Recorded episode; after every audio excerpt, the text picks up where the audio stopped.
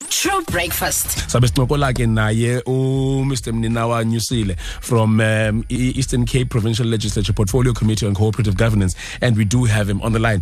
Ngicela ukhe usicacisele kabanzi ngeliphulo eli lithathwe yi Eastern Cape Provincial Legislature Portfolio Committee uh, wena Nyusile. Okay njengoba nisazi Brian ngoba apha ephondweni sinengxaki enkulu yokuba abantwana bethu abaya elisuthwini okanye entabeni babuya ngamanye amaxesha beswelekile iminyaka ke mithathu ilandelelana sifumana loo nto. Yes, sir. so iphondo liye lathatha ke ngoku i-initiative ethi after eli xesha lingaka sibona into yoba abantwana bayasweleka.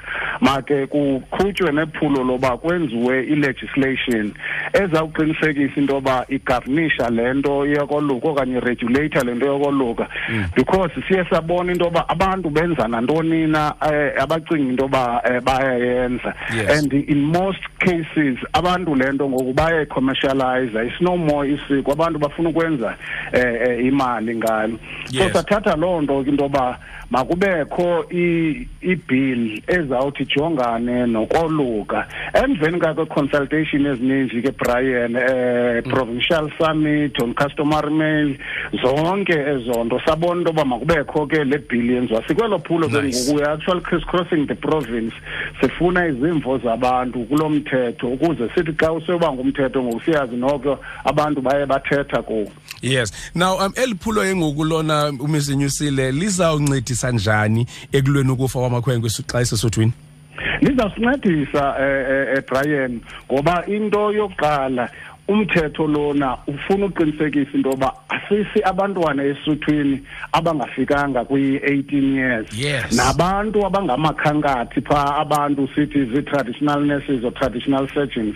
Ngabantu noko esibabonayo abanamafa umzekelo abantwana bethu sibasesuthwini brian bengaseli bengatshayi and siexpecta xa bephaya la makhankathi abafundise le nto kuthiwa bubudoda. But babuya betshaya ngoku besela phaya bafundiswe iinto zasezitrongweni ooma-twenty-six nooma-twenty-eight sithi ke umntu ozaba likhankathi ngoku funeka ibe ngumntu noko onamava adlulileyo kwiminyaka elishumi and umntu ongakhange kabanjwe you know eh, afumane ifine umntu esimqondayo uba noko ngumntu one-integrity nalapha kwi-community. Ne- nalo mntu lowo uzawuba yingcibi ibe ngumntu noko owaziwayo esimazi into yoba nabo abantwana bobani boluswa ngubani. Nothi ngoba ezi ntwana ngoku brian zingena kulo nyaka kulo nyaka zayo mntu sesolusa ufumnemepha amava uba Yeyi.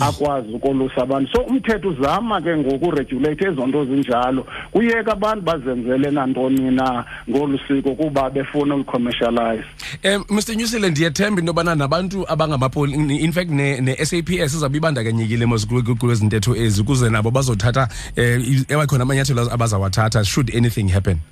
Ay, kunjalo apha kumthetho sinezinto ekuthiwa zii-role players Yes. eh, ekumonitharisheni le program yokoluka i-SAPS leyo inabantu abakhona apho eh abazawuba qinisekisa into yoba a- a- akho mntu wenza nantoni na angafeyisi the law yomthetho ingalo yomthetho.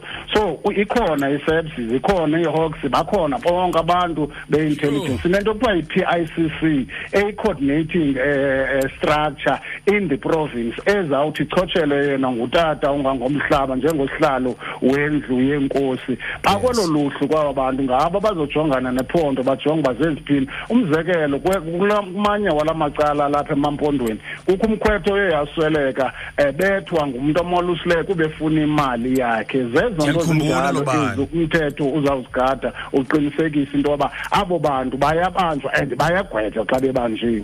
Mr eh, Mr Nyusile ndiqhobela izandla kuloo ndawo leyo. Siyi True FM nyani. Congratulations. It's about high time nyani that abantu bazawubanjwa babe accountable for um up- u- uphulukana bobomi eh, wabakhwetha when it comes to elisiko eli. And nyani funeka liphinde lenyuso kwakhona ingabe elisiko elidelelekayo. Siyabulela kwakhona ngexesha esiphelona this morning tata. Enkosi ke bhaye ndiyabulela nam nakuni nge-two f m nakubaphulaphuli benu. True breakfast.